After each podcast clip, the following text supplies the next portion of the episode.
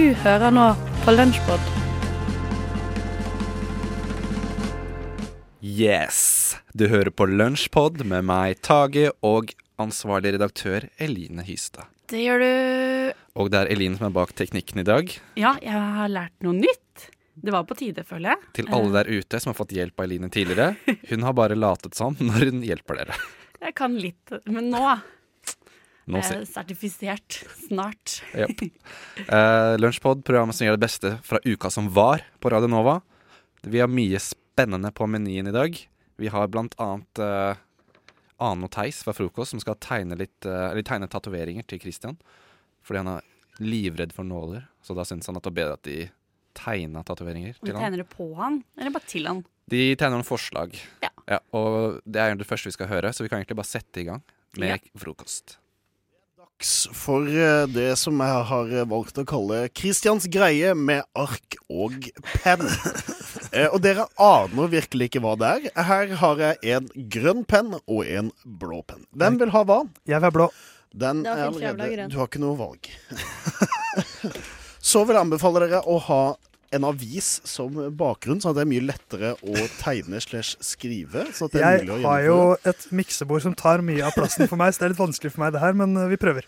Ja, eh, og Klar, eh, hele greia baserer seg på at Ja, det bunner egentlig i at min bror, han har ganske nylig tatt en tatovering. Og så Skal vi gjette hva slags tatovering? nei, nei, nei. Det går ikke på det.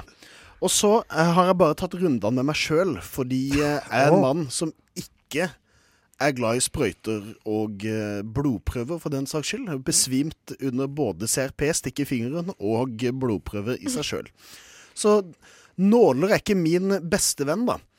Og min mor hun har sagt at hun frykter i hvert fall at jeg aldri kommer til å ta tatovering i mitt liv, fordi jeg har denne skrekken. Men Hun frykter at du ikke kommer til å ta tatovering. Altså, hun frykter at jeg øh, Nei, hun er glad Ja. for at jeg altså, hun, hun frykter ikke, Nei. blir riktig. Uh, men da lurer jeg egentlig på, hvis dere tenker at når Christian han eh, skal ta tettis, han, så vil jeg at dere skal nå illustrere hvordan eh, dere tror min tatovering hadde sett ut, og hvor ville jeg hatt den på kroppen. Hvordan vi tror, eller hvordan vi vil. Hvordan vi vil, ja. Ja, det er opp til dere. Ja, okay. uh, for altså, det er jo en tatovering som, som eh, skal trykkes til min kropp. Eh, så hvis dere liksom skriver eh, Hvis dere tar sånn butterfly nederst på korsryggen min, altså sånn tramp stamp, så er jo ikke det noe som ville blitt gjennomført. Ja, for jeg, jeg, var, jeg var veldig på tramp stamp nå, men nå, siden du sa det, så kan ikke jeg Så må jeg tenke annerledes, tror jeg. For du, altså, ta Prøv litt sånn av det dere kjenner Skal vi- liksom. skal vi Bare begynne? begynn å tegne. Begynn å tegne. Fordi nå har vi jo eh, Vi har vel kjent hverandre i om laget sånn et lite halvt år her eh, med sending. Og da føler jeg at det må ha lagt noe inntrykk uh, igjen. Men dere må jo få lov til å velge ut ifra eh, Vet du hva, tegn det dere vil, og hvor dere skal være. Uh, jeg går for den, jeg. Det skal være litt uh, Litt slingringsmonn. Og så får jo selvfølgelig du lytter se dette resultatet på Instagrammen til eh, frokost. Eh, og så kan dere da eh, kommentere på hvilken tatovering dere syns var best. Og jeg kommer selvfølgelig til å gi min mening, og det blir jo fasitsvaret på Altså, jeg er jo ikke noe flink til å tegne, Christian, men jeg gjør mitt beste. Ja, det, det, det skal du ha for. At du prøver, i hvert fall. Hvor lang tid ser- har vi egentlig? Nei, det, gir dere litt tid, i hvert fall. Uh, så Men det burde jo gå litt radig, Jeg er nesten ferdig. ikke sant? Så jeg føler egentlig på mange måter du må være ferdig. Du får fem sekunder til Theis er ferdig. Nei. Eh, jo. Så du burde kjappe deg litt nå, Fordi det er jo varierende hvor lenge lytteren gidder å høre på min monolog rundt Jeg tatovering. er ferdig, jeg. Da må du gjøre deg ferdig nå, Ane. Du får fem sekunder. Klar, ferdig. Der har du gått fem sekunder. Bort med penn! Bort med Ja, penn! Legg ok. pennen! OK. Eh, så Klar. kan dere Jeg jeg har lyst til å begynne med Ane. Du var jo ferdig sist. Jeg tror det er dramaturgisk riktig Så- er verst. Så jeg vil gjerne at du eh, skildrer hva du har tatovert, og hvor skal den plassere seg. Eh, ok, Jeg kan starte med hvor den skal plasseres. Den skal være sånn på overarmen, eh, nesten oppe ved skulderen. Ja. Ja, Midt på der. Og det jeg egentlig hadde tenkt til å tegne, var jo en eh, pitbull. En pitbull. Eh, med Kristian er litt pitbullete. med ja, nettopp. Han er faktisk det. Og så tenkte jeg at det skulle være sånn pitbull-merch. Det er det ikke fordi du tenker deg feit og tar pitbull, Terje. Det er for- liksom, Nei, mer sånn du er, du er litt standhaftig som en pitbull. så jeg har prøvd å tegne en pitbull men det ser, med sånn eh, halsbånd eh, med pigger på og sånn, men det ser mer ut som en katt. Med et stort, fint bein. eh, Ja, med Det, sånn ser, det, er, det er katt. En katt med et, eh, katt med et bein. Som hun vil at Kristian skal ha på sin hadde, eh, hadde du bare vist meg den, så kunne jeg tenkt at OK, nå tenker du at jeg har vært i Dyreparken, Kaptein Sabeltann, og så har du tatt Den gylne tiger, og så har du lagt for et bein, fordi liksom, i kjøreverden så har du ofte to bein som krysser hverandre, liksom en dødning. Ja. Men eh, Så Yes! en katt med bein. Jeg blir plutselig litt selvsikker nå på at jeg, jeg tror jeg har et bedre alternativ. Eh, Jeg Kristian, vil at du skal ha den eh, sånn under øyet. Du vet, sånn, sånn Litt sånn fengselstatovering, sånn som man ser. Så, så der har ofte ta- festatoveringer er ganske kult. Ja. Så under øyet. Og så vil jeg gjerne at du skal Kom i, frykten, kom i bukt med frykten, hvis det er et uttrykk. Jeg vil at du skal face your fears. Så det er rett og slett en sprøyte. Eh, og siden du sa at du var redd for blod, så vil jeg at det skal være en sprøyte som er fylt av blod. Og så med en dråpe som henger ut av sprøytespissen. Som Oi, skal være under øyet. Så at hver gang du ser deg selv i speilet, så blir du påminnet den frykten, og da blir du til slutt kvitt den. Det er min teori, i hvert fall. Altså, dette her er Vær så god, Kristian. Christian. Eh, 3000 kroner. eh, OK, jeg må ha litt sånn nærmere look på det hele. Jeg er veldig fornøyd med min egen tegning, veldig flink til å tegne. Takk. Eh, Så Altså, jeg må altså det, jeg, kan, jeg kan si det, det som bikker over seieren her, da. Det er det at uh, Ane sin tegning er så utrolig barne. Det er det er så barnetegning. At det er liksom Det er en, det er en godt illustrert Altså, jeg tror ikke jeg hadde tegnet noe bedre katt. Men jeg kan ikke ha en katt med et lite bein på skuldra, så derfor må det nesten bli denne her sprøyte, sprøyte i trynet. Det må nok bli det, altså. Kommer til å se ut som en narkis. Det var Christian. Uh, face tattoo. Har du lyst på det, eller, Line? Nei. Ikke? Har du? Uh, nei. Ikke egentlig. Da dropper vi det. Ja. Uh, det var frokost. Nå skal vi høre Ingrid fra tekstbehandlingsprogrammet. Som, de har en spalte som heter Fremmedordboka. Og nå så skal jo hun ta opp et ord som heter boikott. Boys i kott. Så det, syns jeg er ganske morsomt. Vi kan høre på det nå. Dette ordet stammer faktisk fra latin. Kan du stave det for meg? Men det er jo helt fremmed. Skjønte jeg faktisk ikke nå. Fremmed. Fremmed. Fremmed. Bruk det i en setning. Skrevet fremmed? Fremmedord. Jeg skjønner ingenting. Men hva betyr det egentlig? Hør her, Ingrid. Jeg slår opp. Hæ? I ordboka! Fremmedordbok? Ukas fremmedord. Boikott. Boikott er et kott for boys, eller gutter. Før var betegnelsen mest brukt på gutterommet, men nå er boikottet mest brukt i samboersammenhenger, der mannen i forholdet ikke får lov til å ha tingene sine utover i huset, men må samle det i boikottet sitt. Å boikotte noe er også et verb. Når en kvinne boikotter noe, tar hun helt enkelt mannens uønskede gjenstand og plasserer det inn på boikottet.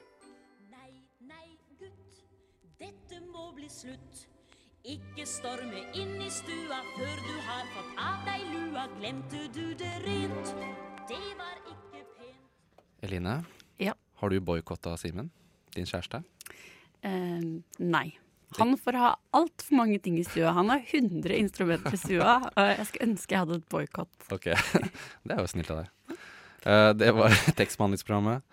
Eh, nå skal vi høre en samtale eh, mellom jentene i et eget rom, som har, eh, hadde mm, temasending Menn med følelser. Og de fikk besøk av Leif og eh, Are fra Reform. Og de har en eh, ganske kul samtale om det temaet. Sånn, ja, vi har fremdeles med oss Leif Erik i studio. Eh, men nå har vi også fått eh, litt besøk fra Are Såstad. Du er daglig leder for Reform. Det er riktig. Ja, velkommen hit. Takk skal du ha. Så hyggelig at du kunne komme i dag. Fint vær. Ja, det er det verkligen. Vi har fint vær. Veldig, veldig kaldt, men veldig fint. Soligt og fint. Ja, vi har jo snakket masse da om eh, menn og følelser. Men vi kom jo inn litt på det her med forskjellige generasjoner. eh, og hvordan det, hvordan det Forskjellen da på kanskje hvordan man uttrykker sine følelser og sånt. Eh, har du noen tanker om dette, Are? Ja, jeg tror vi går i riktig retning. Jeg tror at uh, yngre mennesker, yngre menn som vi er mest opptatt av, altså gutter og menn, er bedre til å snakke om følelser enn eh, oss eldre menn. eh, og tidligere generasjoner som ofte har hatt eh, store vanskeligheter med å eh, ja, både snakke om følelser og, og kanskje også kjenne de følelsene som, som de sitter med. Mm. Når det er sagt, så er det ofte sånn at vi har glemt å gi gutter og menn en anledning til å snakke om følelser. Det er ikke så mange rom hvor det skjer. Et eget rom som dere har her nå, er jo en anledning. Ja, absolutt. At det ikke finnes mulighet for menn at, eh, at kunne uttrykke sine følelser, tenker du? Ja, vi spør i liten grad hva gutter og menn tenker, hva de føler. Vi er mer vant med å gjøre det når det gjelder jenter og kvinner. Ja. Det er nok en kulturell oppfatning, en samfunnsmessig oppfatning av at uh, det er kvinnene som skal være bærere av følelsene. Ja, for da kan man knytte knyta det sammen med det her med å være, som vi diskuterer det, at være homofil. Att då är man sett på kanskje mer kvinnelig på en måte, og da blir det blir mer OK å, å vise følelser. Ja. Kan det være et problem også? At, at det her med å vise sine følelser skal være, er jo et kvinnelig trekk. Uh, at man er litt sånn redd kanskje for å uh, bli satt i den uh, båsen. Ja, det er nok mange som oppfatter det som eh, noe vanskelig å, å, å være med på. Altså at man skal ha en, en kvinnelig side ved seg for å kunne snakke om følelser. Jeg tenker at dette er en menneskelig side. Og det at vi har fått så mange flere og så mye større åpenhet rundt det å stå fram som skeiv, betyr i, også at vi har fått en, en større åpenhet for å kunne snakke om, eh, om det som tradisjonelt har vært oppfattet som feminine verdier.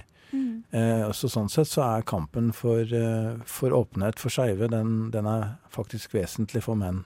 Ja. Mm. Ja, det er jo sånn at det, det ene henger sammen med det andre. Altså kvinnekamp eh, og altså, kjønnsforskning og mannskamp. Altså alt henger jo sammen. Så vi må jo ha med oss menn på, på lasset, liksom. Ja, Mm. det er fint at dere sier. Det har jeg også oppfattet at de fleste i den tradisjonelle kvinnebevegelsen også tenker. Mm. Ikke alle gjør det, tror jeg, enda, men det er, det er viktig at vi tenker at likestillingskampen som fortsatt pågår Vi er langt unna en reell likestilling i Norge, både når det gjelder kvinner og menn, og folk med en annen kjønnsidentitet, for den saks skyld. Ja. Men vi er nødt til å jobbe med dette, og, og, og da må vi også se at det finnes noen særegne utfordringer for, eh, for gutter og menn da, som er knyttet til absolutt. tradisjonelle maskuline idealer. Mm. Jeg tenkte litt, Leif eh, Erik, du som er litt med i den her eh, homodebatten kanske i Oslo. Ja. Märker du en forskjell med generasjoner, eller er det liksom ganske likt? eh, Blant homofile, tenker du Ja, da? For jeg tenker at homofile kanskje oftest har en litt bedre arena å stå på når det kommer til følelser. Ja, det tror jeg nok. Jeg tror nok det er stor forskjell mellom på en måte eldre Nå skal jeg ikke snakke om alle skeive, men Nei. eldre homofile menn og yngre homofile menn tror jeg det er en Ja. ganske stor forskjell. Jeg tror kanskje at eldre homofile på en måte har vanskeligere Man har hatt på en måte en kamp, da, og kamp med, med seg selv på en Mm. helt annen måte, som gjør at man er litt tror mange er litt numne for følelser. Jeg, jeg vil gjerne føye til der at eh, det er ikke lenge siden det var forbudt å være homofil i Norge. Altså aktivt praktiserende mannlig homofili Ja. var jo faktisk forbudt fram til 1971. Ja. Sånn at det er ikke så rart at uh, kampen tidligere har faktisk gått på legalisering, og det i hele tatt å bli anerkjent som å ha en seksuell, eller seksuell orientering som ikke da har vært uh, heterofil. Mm. Sånn at uh, det at det nå er enklere for unge menn, unge homofile i det hele tatt, det tenker jeg er eh, fordi disse mennene som har stått i denne kampen, har gjort denne, og kvinnene, har gjort en sånn fantastisk eh, innsats. Mm. Et eget rom er menn med følelser. Har du følelser, Tage? Jeg har noen følelser. Det er bra. Det er bra du sier det. Sult, sinne. Sånne primale følelser. Ja, Ja. sånn type ting. Selvfølgelig, jeg er mann, tross alt. Eh, det var ja, et eget rom. Nå er det dags for Vitenselskapet, som, eh, hvor Dag Løvold Magnussen har laget en uh, kul greie om sjiraffer.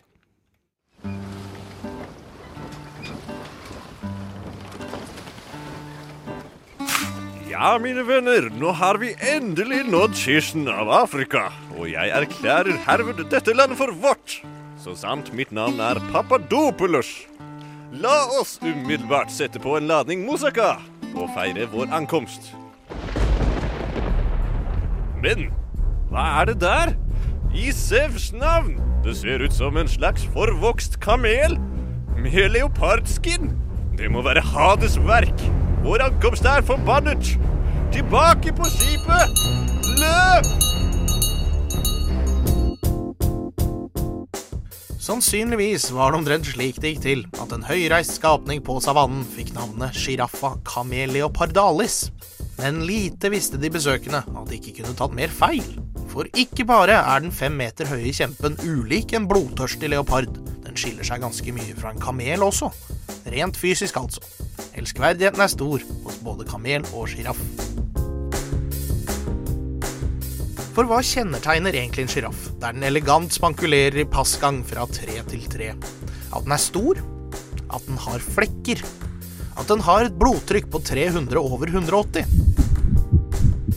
Alt dette er jo sant, og små deler vi må huske på når vi skal pusle sammen helheten til en av naturens mest pussige skapninger. Men hvorfor har man egentlig puttet en to meter lang nakke på et allerede tre meter høyt dyr? For å nå opp til de høyeste bladene, selvsagt. Der går den rundt og spiser nesten hele døgnet. Gomle, gomle. Blader er favoritten, ja. 30 kilo er helt normalt å spise på en dag. Og fordi den kun sover ca. 7 minutter per dag, tar den seg god tid til å spise. Faktisk så god tid at tunga har blitt svart for ikke å bli solbrent i all spisinga. Men med en to meter lang nakke tilpasset de høyeste tretopper, kommer også noen ulemper. Den er veldig lang, men kroppen er jo tross alt lenger. Så om en sjiraff blir tørst og vil drikke, så må den spre beina som en edderkopp på glattisen for å senke kroppen den nødvendige meteren ned mot vannet. Dette er selvfølgelig veldig farlig for sjiraffen, for selv om den er stor, er den ikke uten naturlige fiender. I en slik pinlig situasjon er den verken særlig grasiøs eller mobil, og risikerer å bli tatt av både krokodiller og løver. Heldigvis for sjiraffen får den i seg mesteparten av vannet den trenger fra bladene sine, så den trenger ikke å drikke så ofte. Når sjiraffen ikke spiser, er de som regel i humør til å lage flere sjiraffer. Her er det den sterkestes rett som gjelder, og hannsjiraffen, som er best i nakkebryting, får plukke først og flest. Men sjiraffer er ikke som oss. Hvis hunden ikke har fruktbar status, at hun er for gammel eller gravid fra før for eksempel, gidder ikke hannsjiraffen å ta seg bryet med å forsøke seg. Derfor følger den etter hunden og smaker på urinen hennes. Hvis østrogennivået er høyt nok, er kysten klar. Deretter tar det 14-15 måneder, og så kommer en ny kalv til verden. Da detter det en klump på størrelse med en velvoksen mann to meter rett ned i bakken fra mammaen sin. Et brutalt første møte med moder jord. Der ligger den litt sånn halvdøsig i 20 minutter før den reiser seg opp og begynner å rusle rundt. Her har våre menneskebabyer noe å hente. Sjiraffmammaen er veldig knyttet til kalven sin, selv om sjiraffen opererer med full barnehagedekning. For når mødrene må ut og hente blader eller drikke litt vann, setter de alle sammen igjen ungene sine med én spesielt utpekt sjirafftante, som holder orden til de andre kommer hjem. Men det er en trist kjensgjerning at kun hver fjerde sjiraffkalv når voksen alder. For den er en svært ettertrakta godbit for de mange rovdyrene som patruljerer rundt på savannen. Mye kjøtt, fordelt på dårlig kondis, liten toppfart og ofte keitete beinføring, gjør at om man får skilt den fra mammaen sin, så har den ikke mye å stille opp med. Men når den voksen alder, så har den til gjengjeld få ting å bekymre seg for. En flokk med løver har en mulighet, men vil som regel holde seg til lettere byttedyr. Så da dulter den rundt på savannen, fredelig og fornøyd, med bare kjærlighet å gi. Tolv kilo kjærlighet, faktisk. Med et trykk på 300 over 180.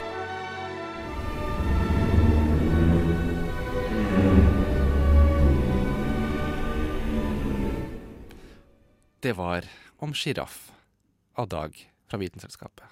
Ja. Ja. Eh, når vi hørte den Portveien 2-musikken, fikk jeg sånn eh, flashbacks til uh, barndommen. Ja, det er veldig hyggelig musikk. Men jeg syns den sjiraffen var litt creepy.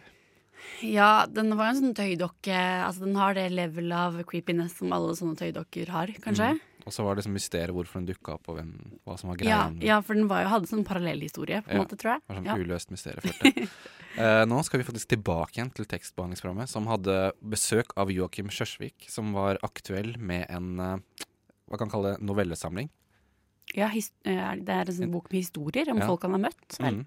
Jeg syns det var et ganske kult konsept, så det kan vi høre nå. Du er jo her først og fremst for å snakke om din siste utgivelse. Ja, jeg håper det. Ja. Ja, jeg- jeg- Ja, ja. Primært. Ja.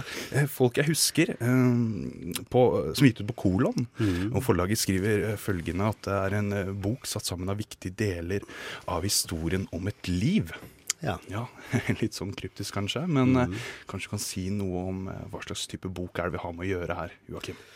Ja, altså det er jo en eh, rekke hva skal jeg si, portrett av masse forskjellige mennesker som jeg har møtt gjennom livet mitt. Altså på en måte bipersoner i mitt eget liv. Det vil si at eh, når jeg begynte å skissere opp forskjellige mennesker som jeg kunne huske, så jeg fant det fort ut at hvis jeg prøvde å skrive om dem som sto meg nærest, så var det vanskelig å avslutte. Da ble det et veldig stort prosjekt. Men eh, så har jeg valgt heller å ta folk som er, har kommet inn i livet mitt og forsvunnet igjen på et vis. da. Sånn eh, kollegaer eller eh, medstudenter eller folk jeg har bodd på et kollektiv med, eller ekskjærester osv. osv. Mm. Um, så jeg bare um, summerer opp mitt inntrykk av folk, eller noe, noe i den dur. Ja, er det sånn at folk som leser boka, kan komme til å kjenne seg sjøl igjen? Eh, I verste fall. eh, Men eh, jeg har ikke noe ønske det, det er ikke det som er mm, ønsket mitt, da. Så jeg har jo forandra mange ting. Pluss at i utgangspunktet så begynte jeg å skrive boka fordi jeg ville skrive noen noveller om barndommen min. Og så prøvde jeg å huske noe fra det, og da begynte jeg å ramse opp forskjellige adresser jeg har bodd på, og folk som bodde i den ga de forskjellige gatene. Og så merka jeg at når jeg skrev bare notater om disse forskjellige folka, så var det historier i seg sjøl. Eh, og så balla det på seg, da. Men etter hvert så ble det slik at når jeg bare skrev sant, så ble det veldig kjedelig etter hvert. For det var litt som å skrive dagbok nærmest, og det har jeg aldri likt. Eh, så da begynte jeg å finne på ting, da. Så, okay. så, Så det da- er ikke noe sånn Det er ikke en eh, biografi, egentlig, eller eh, ja. Kanskje du kunne lese litt for oss, så, så våre lyttere får litt inntrykk av hva slags tekster det er eh, snakk om? Ja. Det kan jeg godt gjøre. Ja. Um, skal vi se her, da. Vi må finne noe kjapt. Da hører vi Joakim Kjørsvik som leser av fra boken 'Folk jeg husker'. Yes, første her, eller det kan jeg se fra mine dager i bokhandelbransjen. Eh, Den heter 'Tvillingsøstrene'. Jeg husker tvillingsøstrene. Svært overvektige. De gikk i matchende røde joggedresser. Bollesveis. De leide på hver sin italienske mynde. De så vettskremte ut. Hundene, altså. Vi kunne høre dem utenfor gangen, søstrene, lenge før de i sitt treige tempo nådde inn i bokhandelen. Bibler, hveste de, bibler, med de hese stemmene sine. Hvor har dere bibler, bibler? Som om det hastet, at dommedag nærmet seg i horisonten som en gresshoppesverm. Vi pekte mot trappa til andre etasje, som vi hadde gjort så mange ganger før. De så på hverandre og sukket oppgitt. Trappa var en av Guds mange prøvelser, før de vraltet seg opp ett og ett trappetrinn. De kjøpte en bibel omtrent én gang i måneden. Alltid spurte de om vi kunne gravere inn navn i dem. Det kunne vi ikke. Ikke Sofia engang, pleier en av dem å si. Nei, dessverre. Selv ikke Sofia. Mens eh, stegen deres dundret gjennom butikken, ringte jeg opp til Lars Ulrik, som sto bak disken i andre etasje, for å advare ham. Tvillingene kommer, hvisket jeg inn i røret. Tvillingene kommer. Jeg vet det, svarte han. Jeg hører dem. De kommer opp trappene. Kanskje jeg rekker å løpe ut på lageret? Du har ikke tid, sa jeg. Nei, sa han. Nei og nei og nei. Gud være med deg, sa jeg. Nei, nei, nei, sa Lars Ulrik. Jeg kunne høre stemmene deres gjennom røret. Bibler, skrek de. Tusen takk for det. Eh, Nå skal vi høre en sang, og det har seg jo sånn at eh, du har fått velge denne låta. Det er Sonic Youth med Teenage Right. Og kan du si kort eh, hvorfor du vil at vi skal spille den sangen? Eh, det har seg sånn at jeg hørte mye på det som eh, pur ung, eh, og det var vel en av mine første oppdagelser av at musikk kunne være noe annet enn det vi hørte på radioen til hverdags. Så det, ja, det gjorde inntrykk. Ja, la oss høre den låta. Eline, han hadde en grei eh, lydbokstemme, syns du ikke det? Jo, veldig fin. Fin Mm. dialekt. Veldig Han kan vi ha her som kan lese ganske mye. Ja. Bare invitere han ukentlig, kanskje. Ja. Uh, til sist, her på Lunsjpod, så skal dere, dere få lov til å høre Sorgenfri, eh, hvor Ina uh, De hadde en sending om taco. Ja. Liker du taco? Jeg liker taco. Jeg også. Jeg kjenner to i redaksjonsledelsen i Radio Nova som ikke liker taco, og det er, det er fortsatt sjokkerende for meg. Det er drøyt. Eh, jo, eh, Ina har skrevet et dikt om taco, så det kan vi høre nå.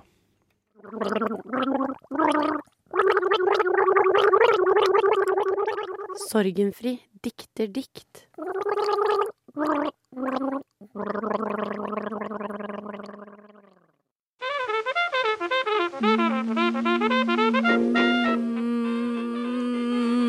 Mamma, hva skal vi ha til middag i dag? Taco! Taco? Hvordan ble du til? Santa Maria, Old El Paso, First Price. Hva skal du velge? Fine tortilla, grove tortilla, mini-tortilla, båttortilla, store tortilla. Valgene er for store! Rømme først, selvfølgelig. Deretter salsa. Ost som smelter. Teknikken ligger i å putte osten under kjøttdeigen, og ikke over, sa en liten fugl en gang. Oh. Mamma! Jeg gleder meg til middag i dag.